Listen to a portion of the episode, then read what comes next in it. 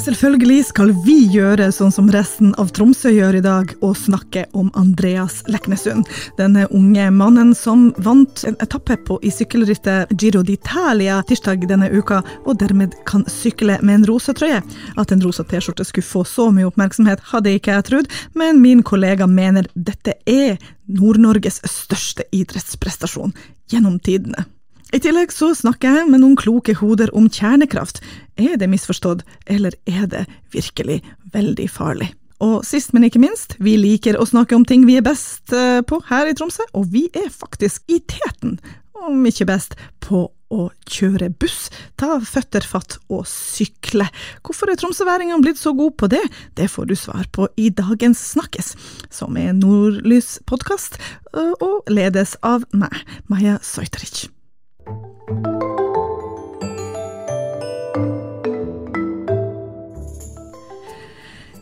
vet ikke med dere, men min feed på sosiale medier er full av folk som hyller en mann som går med en rosa skjorte for tida.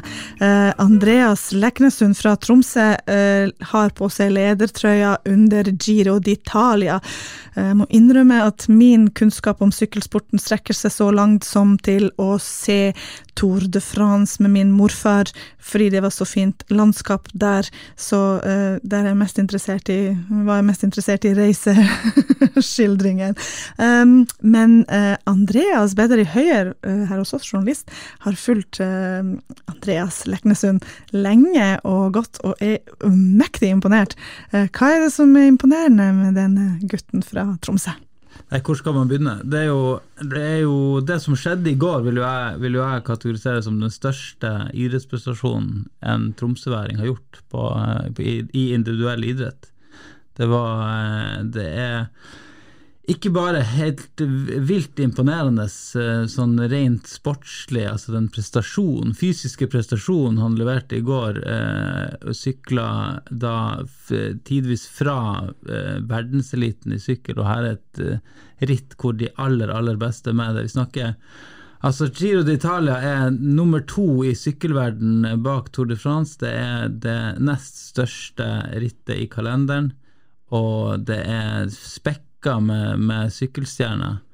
Og det er også et, et vanvittig folkeliv langs løypen. Det det det er Tour de France i Italia, rett og slett. For det, og det, vi, vi, i Norge er mest kjent med er jo Toren.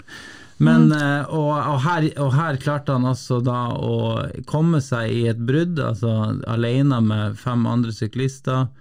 Um, så allerede tidlig i løpet i går, i rittet i går at uh, han kunne få den rosa trøya, som er ekvivalenten til den gule trøya i Tour de France. ja.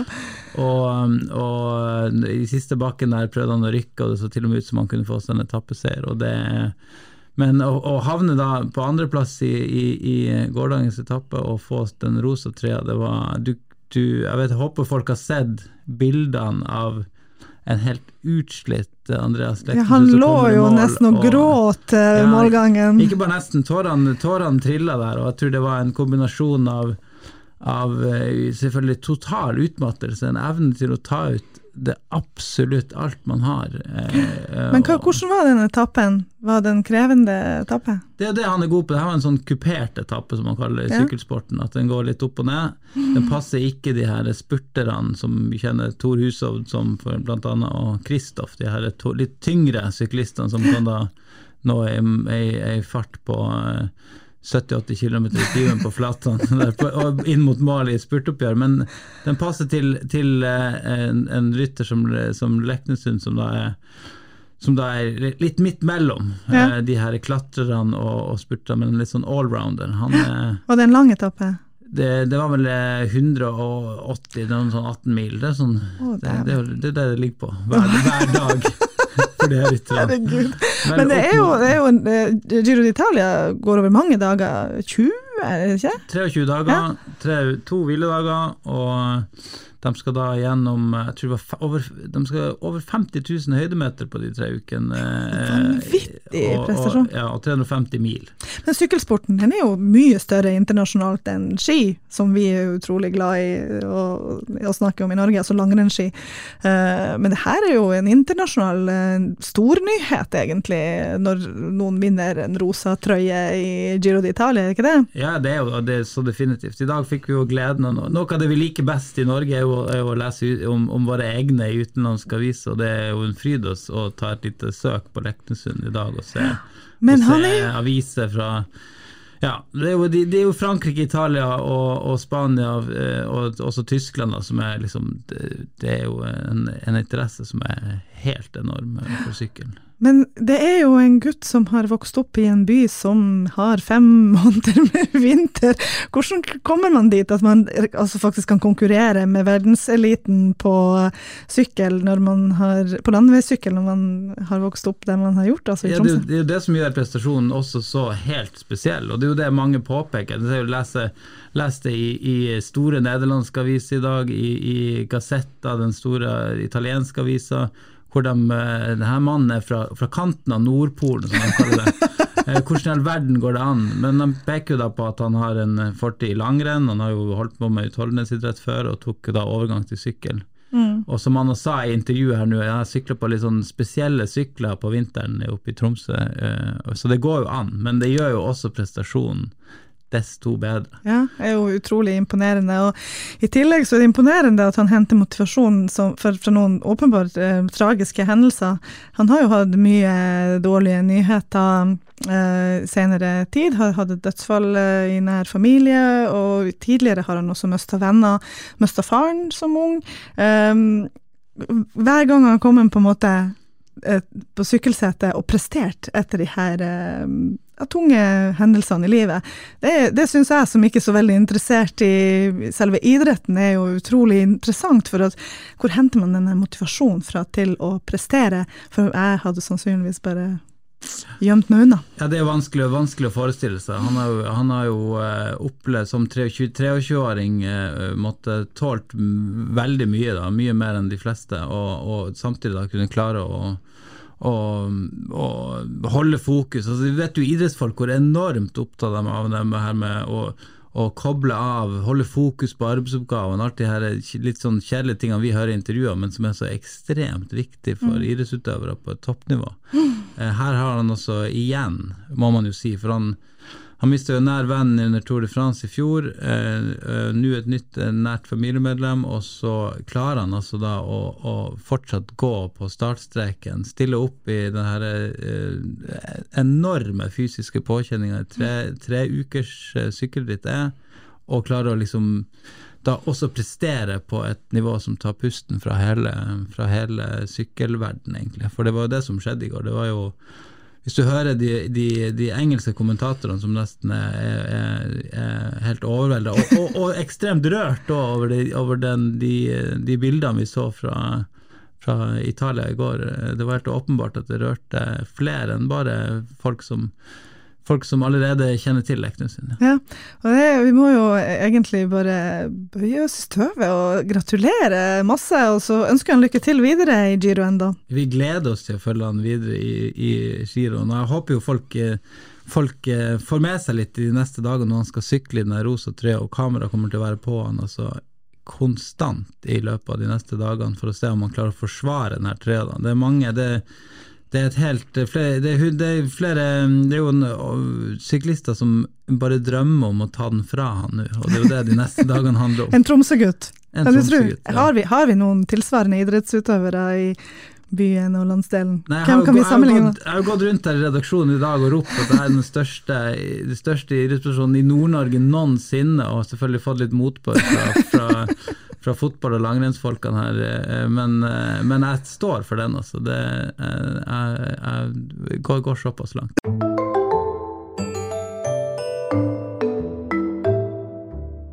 Kjernekraft er jo virkelig i vinden politisk, men også blant folk flest, vil jeg si. Energikrisa, miljøkrisa, klimakrisa. Alt det baller på seg, og gode løsninger er vanskelig å finne. Eh, nå I år så har jo alle landsmøtene til politiske partier hatt en eller annen form for kjernekraftspørsmål på eh, programmet, og mens vi spiller det her inn, så behandler Stortinget også flere eh, forslag til eh, vedtak og innspill fra flere partier om kjernekraft. Det siste eh, landsmøtet som hadde stor kjernekraftdebatt, var jo Arbeiderpartiets landsmøte, og der var ordføreren i Narvik kommune, Rune Edvardsen, og han er jo positiv til kjernekraft. Hei, Rune. Hei, hei. Ja. Du er med oss på telefon fra Narvik. Eh, kan ja. du fortelle meg litt om eh, eh, hva du tenker om kjernekraft? Nei, jeg syns at, og jeg tror at kjernekraft vil spille en rolle i, i fremtida sin energimiks. Og, og, det tror jeg fordi det er så enormt mye strøm som kommer til å kreves eh, i fremtida. Riktignok så har vi her oppe i nord, og i hvert fall rundt der jeg sitter i Narvik, så er det et lite overskudd på strøm per i dag. Men det er oppbrukt allerede i 2026. Så um, jeg mener at kjernekraft kommer til å være en viktig del av det vi har bruk for i fremtida. Og så er det jo sånn at ja, vi skal jo det kommer både havvind og landvind og energieffektivisering og solvind. og det, det, kommer alle de andre tingene. Og vi skal også utnytte vannverkene våre og, eh, bedre enn det vi gjør i dag. Eh, men jeg tror allikevel så er vi nødt til å bruke eh, og gå for kjernekraft i fremtida. Så vil du ha et stort kjernekraftverk midt i Narvik sentrum, da? Nei, det er sånn at de her moderne eh, kraftverkene eh, som, eh, som, er De heter jo altså sånn småskalakraftverk, kjernekraftverk. Det er jo på helt de, de, er jo mye mye mindre, og de kan du plassere litt rundt der du har mest bruk for dem per i dag. Så så, eh, men vi i arealplanen i Narvik kommune vi setter arealer i dag til fremtidig kraft og kraftbruk. Og Det betyr også at vi kan eh, bruke kjernekraft på de områdene. Og så er det jo sånn at Jeg har ikke sagt 100 ja til at jeg ønsker kjernekraft i Narvik eller Narvik sentrum, men jeg har sagt ja til at vi eh, ønsker utredning, vi ønsker mer kompetanse. Og med det så har vi også skrevet en avtale med Norsk Kjernekraft om at vi ønsker å starte kjernekraftutredning sammen med dem. Og Det handler om å innhente mer kunnskap, også om lokalisasjon på det. Og nå er det jo snakk om at de her modulære, som de heter, små eh, ja. kraftverkene kan ligge tett opp til eh, kraftkrevende industri, sånn at de heller ikke, uh, man ikke stiller store krav til altså kraftnettet. Og Det er vel det dere i Narvik tenker, at det skal kanskje ligge nært uh, grønn stål fabrikken til Aker? Ja, det er bl.a. så kan en gjøre det. Og Nå satses det jo veldig mye her i Narvik og rundt Narvik på det grønne skiftet. Og det, Vi prater om anomyakk, vi prater om, eh, vi prater om eh, grønn stål, hydrogen, batteri, næringsparker, alt mulig. Sånn at vi har behov for enormt med strøm i fremtida. Vi bruker i dag ca. 500 GWh, eller 0,5 TWh som det heter da. Og eh, vi har bruk i fremtida for 4 eh, TWh. Så det er klart det er enorme eh, energi, energi vi, vi, vi, vi har bruk for fremover nå. Men din egen energiminister Terje Aasland og uh, miljøminister Espen Barth Eide er ganske lunken til her med kjernekraft. Det handler jo om lagring av uh, avfall, det handler om at andre land i Europa gjør det, altså begynner å avvikle for at de synes det er kostnadskrevende, og det handler om at man egentlig har tenkt å lene seg litt på Finland i denne saken. Eh, Finland som nå har åpnet to store kjernekraftverk. Um, Mener du at Norge bør gjøre mer enn dine egne ministre gjør?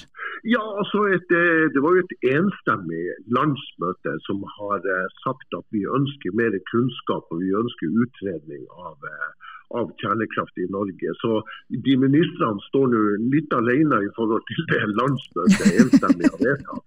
Og så er det jo sånn at Jeg mener jo at det er nesten uansvarlig å ikke vil tilegne seg kunnskap, og at man ikke ønsker utredning og, og mer kompetanse. Det mener jeg er viktig for, eh, for fremtida. Så får jo fremtida vise om lokalsamfunnet her i Narvik eller ellers i, i Norge ønsker kjernekraft. Den stillinga til det skal vi jo ta senere. Og det her er jo ikke noe quick fix, det skjønner jo jeg òg. Ja. Det her er jo snakk om 10-20 år frem i tid. Men jeg mm. mener på at vi må henge med allerede nå. Vi må skaffe oss den kunnskapen som man eh, trenger for å kunne si ja og være tidlig på ballen når, eh, når det her begynner å rulle. Mm. Så Derfor så er jeg fremoverlent, og det er så mye som skjer nå at jeg vil eh, vil gjerne si, eh, si, ja til utredning og kunnskap nå for å være først i, uh, først i køa. Så Vi har skrevet en avtale med Norsk Kjernekraft. Og det er klart at Ingen ønsker å teppebombe alle fjelltopper i Nord-Norge med vindmøller. Og Så sier jo ministrene at vi skal satse veldig mye på havvind. Og det er, nok, eh, det er nok veldig bra, det. Og det har jeg også tro på. Men, eh, men, det kommer til å være kontroversielt, det òg. Og det tar sin tid, det òg. Akkurat som med kjernekraft. Mm. Sånn at eh, Jeg tror at den miksen her kan bli veldig bra. Og så eh, det, det, Kjernekraft har liten plass, og den er ikke synlig. Og den er på en måte litt sånn eh, eh ivaretar klima og naturen. Og Så blir det jo litt spillvarme der som man også kan utnytte eh, bedre eh, etter hvert også. Mm. Jeg, har, sånn at, jeg har, etter deg på blokka, så skal jeg snakke med en som blir nevnt mye i denne debatten på Stortinget i dag. Uh, han heter Odd Erik Garcia og forsker på Universitetet i Tromsø på fusjonskjernekraft. Da.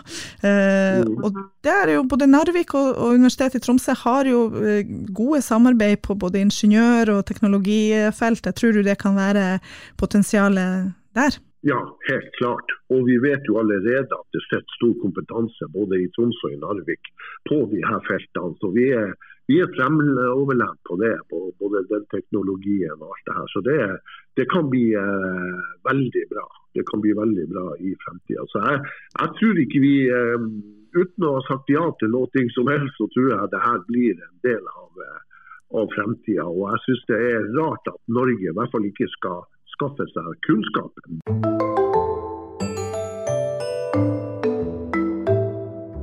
Kjernekraft er jo ikke noe vi har diskutert veldig eh, mye i Norge de siste mm, årene, og i hvert fall ikke noe positivt fortegn. Eh, men plutselig så har det blitt veldig, veldig populært. De siste seks månedene har jo vel de fleste partiene på sine landsmøter hatt kjernekraft som en sak. Eh, først og fremst fordi energipolitikk også plutselig ble interessant pga. høye priser, men også fordi det er jo veldig mye som skjer innenfor kjernekraft, kjernekraftforskning. Mens vi spiller dette inn, så har det pågått da en debatt debatt på Stortinget. Under diskusjonen, som varte nesten i to timer, så ble et forskningsmiljø ved Universitetet i Tromsø nevnt gjentatte ganger. Og det forskningsmiljøet ledes av Odd Erik Garcia, og han er her med meg i dag for å fortelle litt mer om hva er de store misforståelser med kjernekraft. Det er flere.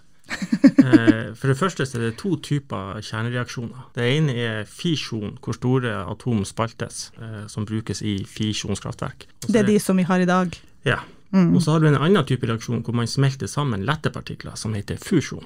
Det er mm. det som skjer inni sola og alle andre stjerner i universet. Og begge de prosessene frigjør masse energi. Men de fleste er ikke klar over at det er et svært internasjonalt forskningsprosjekt for å prøve å lage ren elektrisk energi for menneskeheten nesten evigvarende ved å bruke fusjon i stedet mm. for fisjon.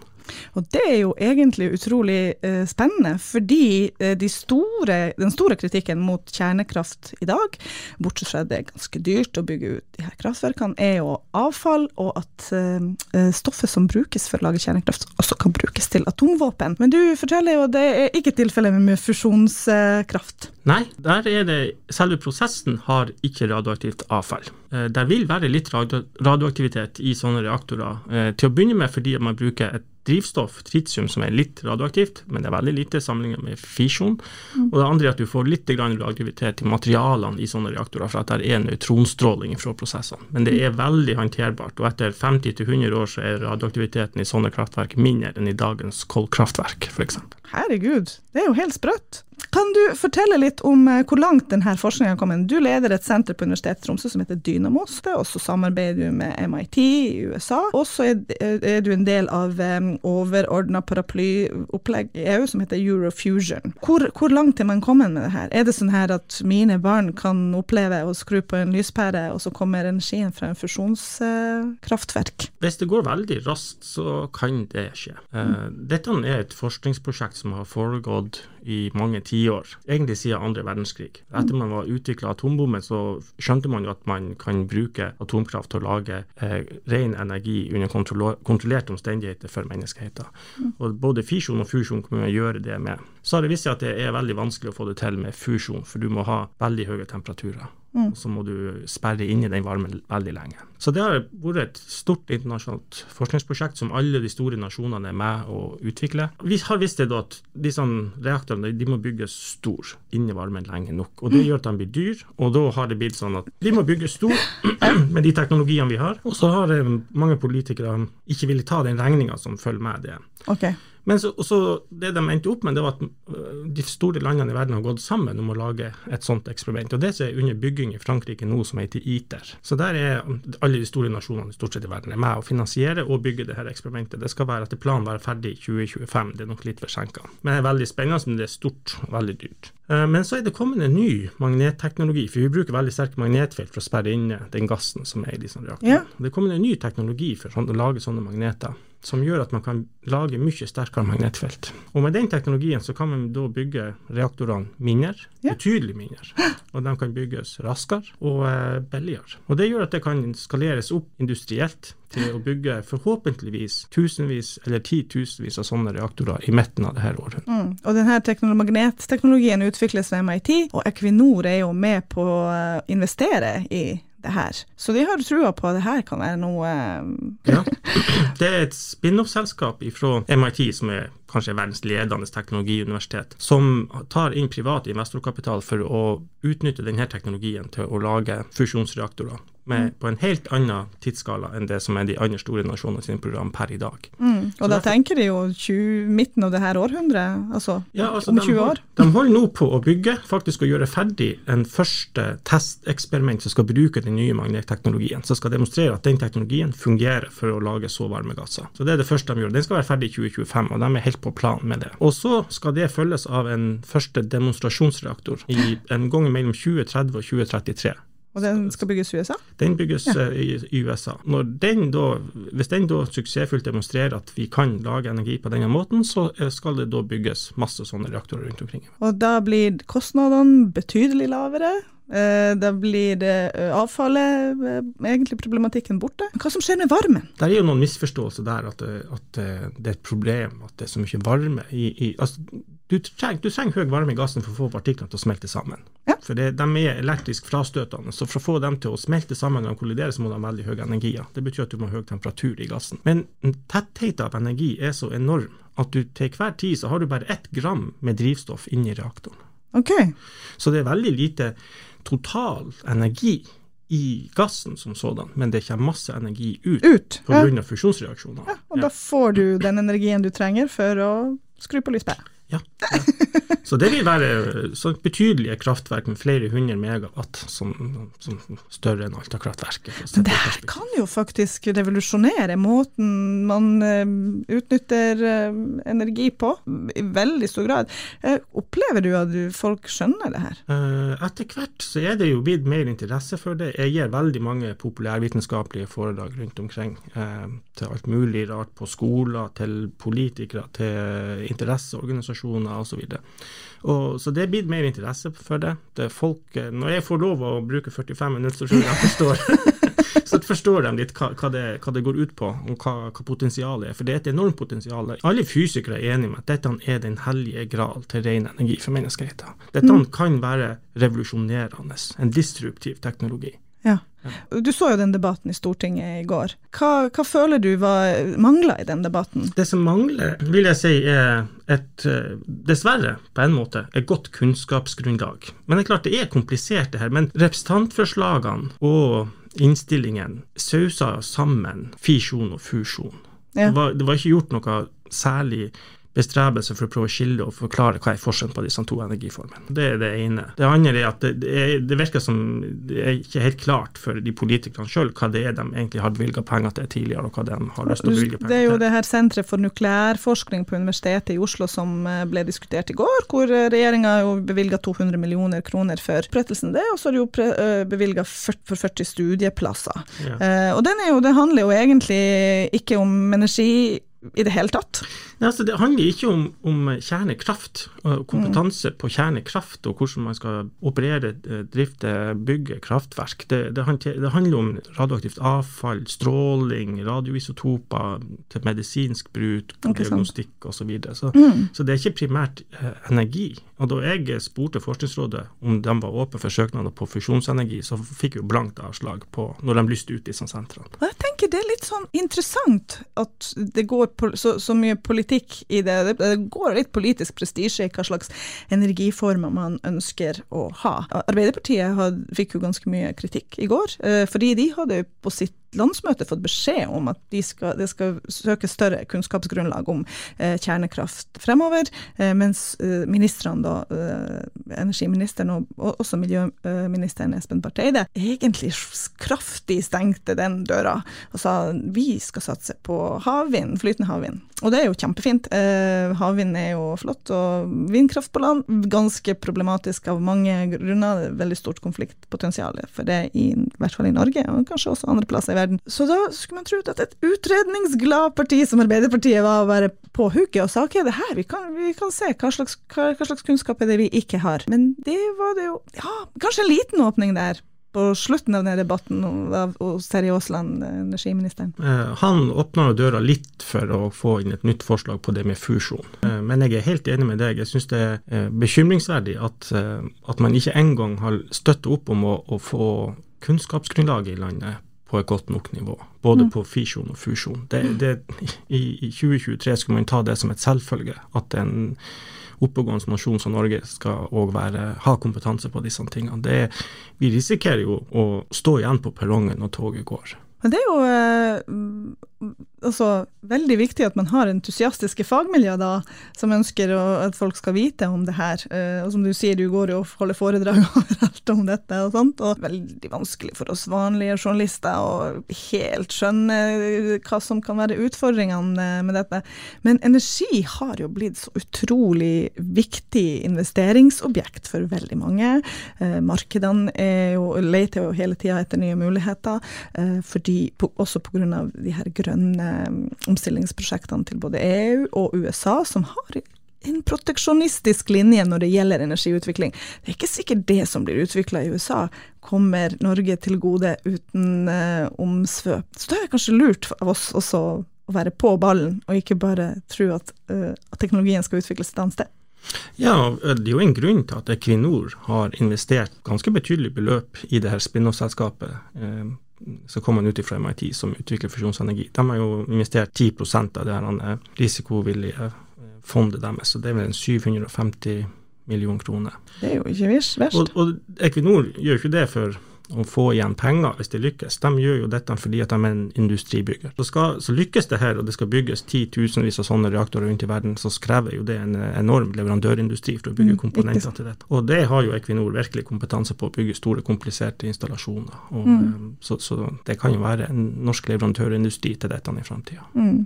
Så det her er jo kjempeviktig for klimaet, hvis det går gjennom. Eh, hvis vi i 2050-2060 har mulighet til å utvikle en sånn type ren energi, så er det jo fantastisk. Eller ikke utvikle, men ha en sånn masseproduksjon av de her reaktorene. Um, men så er det jo også, kan jo bli viktig for oss her regionalt. Vi har jo kraftunderskudd eh, som spås allerede i 2026. Og vindkraft, havvindindustrien, som kanskje ikke kommer helt i gang før uansett i 20, godt over 2035-2040. Hvor mange sånne reaktorer vil Nord-Norge trenge for å forsyne oss med tilstrekkelig med kraft? Det er vanskelig å si, og det er vanskelig å si hvor tilrettelagt vil være å bygge sånne reaktorer i Norge. Det, det skal jo til masse reguleringsarbeid og lovverk på plass. For det, for det vil være nukleære installasjoner fordi drivstoffet er svakt radioaktivt og du får litt radioaktivitet i veggene. Så det må jo gjøres et arbeid på det. Og Det er noen land som kommer veldig langt på dette. Storbritannia, USA. Eh, Land som har hatt kjernekraft fra Ja. før av. ja, men disse reguleres på en annen måte enn fisjonskraftverk, fordi, okay, at, det, fordi ja. at det er så mye mindre. Men det skal nå likevel gjøres. Og så lenge norske myndigheter har den holdninga som Arbeiderpartiet utviser nå, så blir det jo ikke med det første at det, at det ikke Norge er det første landene som blir å bygge sånne kraftverk. Men det, det skal jo sies at Arbeiderparti-ordfører i Narvik, som jeg snakka med, han har allerede ferdigregulert eh, områder for energiinstallasjoner. og der er han, sier han det går helt fint med kjernekraft hvis det er uh, godt nok kunnskapsgrunnlag og vi har utredet det godt nok. Uh, og han hadde jo store forventninger til sin egen regjering om at uh, det her skal utredes. Så det er jo kanskje håp, håp i ordførere i Norge. Ja, altså Det er jo veldig interessant at, at det kommer ifra nær sagt grasrota, at det er ute i distriktene at folk melder sin interesse. Og, og, og det var jo mye problematisert hvem vil ta vare på avfall osv. Eh, Norge har betydelige mengder av avfall allerede fra de reaktorene vi har hatt, så, så det er et problem vi må håndtere uansett. Og, og, og jeg regner med at eh, kommunene ikke bare vil være, ha det positive ved det. Noen må jo òg bidra til det, de konsekvensene av å ha kjernekraft, særlig da fisjon, og, og, og, å lagre avfallet. Og Det kan jo òg være arbeidsplasser i. Det er jo faktisk sånn at, det er jo, Du snakker om myter og, og, på, på kjernekraft, men eh, en myte er at det er livsfarlig med kjernekraft. Fisjon, da. Det, det er det jo ikke. Det er jo eh, verdens, det er mange rapporter, FN sånn som har godkjent det, at det, det er jo den tryggeste energiformen. Det er liksom minst dødsfall per terawatt-time. Så det er en slags berøringsangst og dogmatisk motstand til kjernekraft, for at særlig blant de voksne, godt voksne, sånn som kanskje også og som er voksen opp med under den kalde krigen. Og, sant, hørt om de sånn atomulykkene, vi, vi har sant, med, med, med atomkrig, atombomber. Vi assosierer med dette. Med, sant, Atomklokka på NRK og bomberom og gassmaske og øvelser på skolen og, og, og fandens oldemor.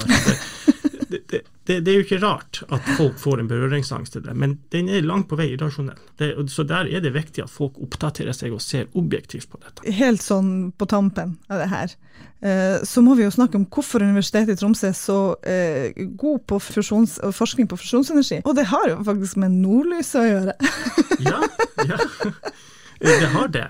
Og for det er sånn at de gassene som vi har inni sånne reaktorer, de må ha enormt høye temperaturer. Og de temperaturene er så høye at Dette blir litt teknisk, men alle atom de består av positivt lada atomkjerne, og så er det elektroner som svirrer rundt der. Mm. disse elektronene de er negativt lada. Det er så høye temperaturer som du har inni sånne reaktorer, så blir de sånne elektronene de blir fri fra atomkjernen. Så da får du en ny tilstand, en ionisert gass, og det kaller vi også for et plasma. Ja. Og det er sånne gasser vi har i jordas øverste atmosfære, så det som er ionosfæren og magnetosfæren. Og, og alle stjernene i universet er i denne plasmatilstanden. Så i Norge generelt, og i Tromsø spesielt, så har vi lang, stolt historie på å forske på romfysikk og plasmafysikk. Og derfor har vi kompetanse på dette, og det er derifra det til syvende og sist har sprunget ut det miljøet vi har på Universitetet i Tromsø. Og så et eh, industrieventyr har sprunget ut av nordlysforskning, altså Norsk Hydro.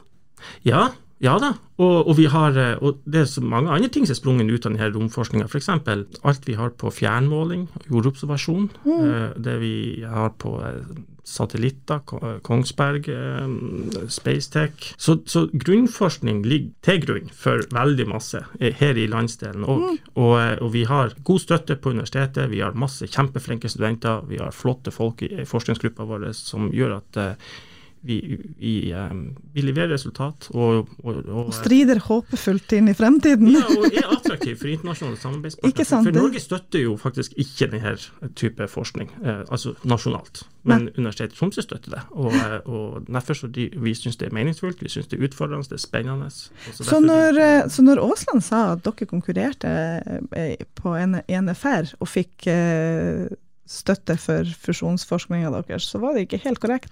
Jau, det er ikke strategisk bevilgning til fusjonsforskning i Norge. Så vi, vi selger det inn som grunnforskningsproblem. At vi forsker Ja. på plasmafysikk osv. Så, videre. så da, kommer, da har de sånn grunnforskningsprogram hvor det er kun faglig eksellens som teller. Og det er jo sånn latterlig suksessrate på 4-5% Så du skal jo ha medvind og flaks og kanskje helst kjenne noen videre for å få penger der. Så, Ja. så det har vi fått til, for vi er flinke. Men, men det er jo veldig irregulært hva tid man får støtte derifra. Så det, det er vanskelig å holde oppe aktivitet over tid på det. Så derfor er vi inntil videre har vi vært avhengig av støtte fra Universitetet i Tromsø, som Mm. gir oss penger til å ansette folk til å jobbe på dette. Og vi har jo nå fått et finansiert et prosjekt fra Equinor og støtter det her forskninga og utviklinga av den reaktoren på MIT. Så, men vi må jo sitte og skrive søknad om forskningsmidler hele tida, og jeg skulle gjerne sett at vi kunne heller bruke tida vår på å gjøre god forskning, og at det var et strategisk program i Norge på å støtte dette.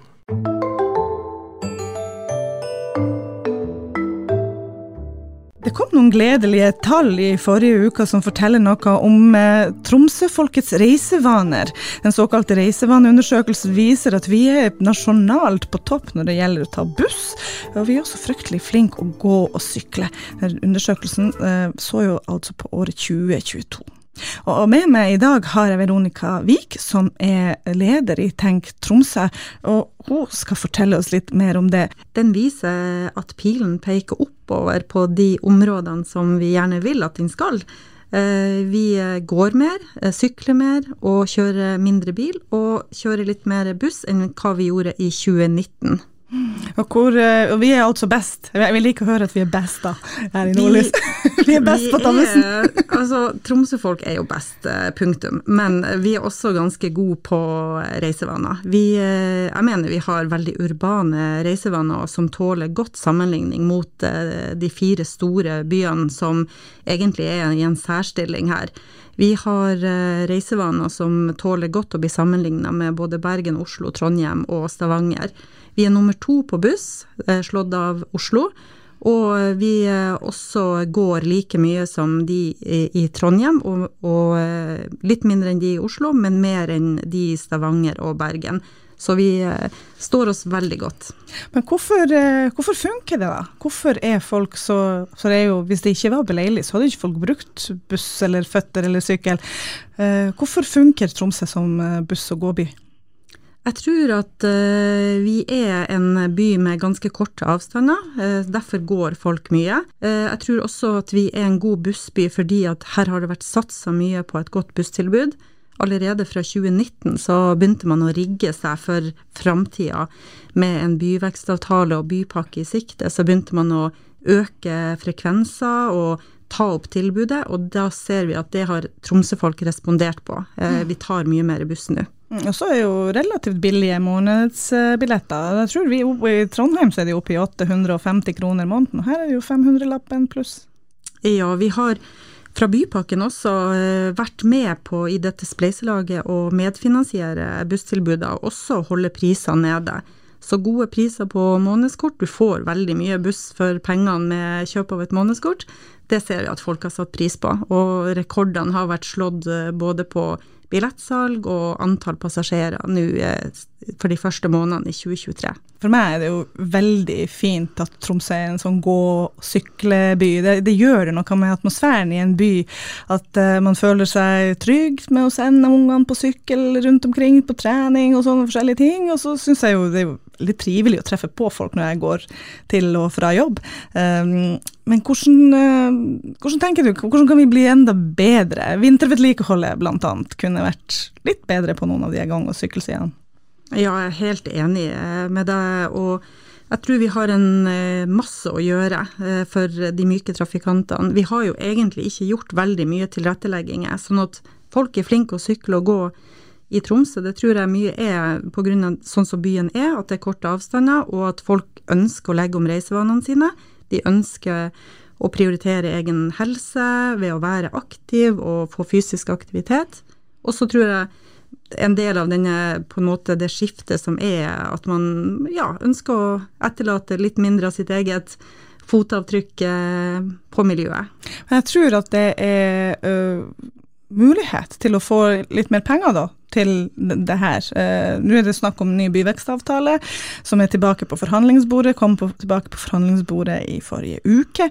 Og i den så kan man jo pakke inn noen prosjekter som faktisk også altså, omhandler myke trafikanter. Det trenger ikke bare være hard asfalt og bruer og tunneler og sånt. Nei, de midlene som kommer i en byvekstavtale skal jo først og fremst brukes til uh, disse mindre tingene på gang, sykkel og, og, kollektiv. Så vi har som sagt mye ugjort i Tromsø, bl.a. å få på plass et hovednett for gående og syklende. Vi har jo enda ikke det. Vi ser jo at det er missing links uh, i byen, fra bydelene og inn mot sentrum og andre viktige målpunkt. Så det å kunne få komplettert det her, sånn at folk kan gå og sykle trygt eh, fra der de bor og til dit de skal, det er en av de høyeste prioriteringene vi har. Jeg tenker Du har jo da eh, det prosjektet Tenk Tromsø er jo delfinansiert av altså brukere. Eh, bompengefinansiert, som det heter. Ikke akkurat alltid like populært, men de pengene da skal brukes inn i det her prosjektet. Hva slags tilbakemeldinger får dere? Det regner jeg med det er litt negativt, for folk er jo ikke så veldig glad i bompenger. Men hva slags tilbakemeldinger får dere på de prosjektene dere har faktisk igangsatt?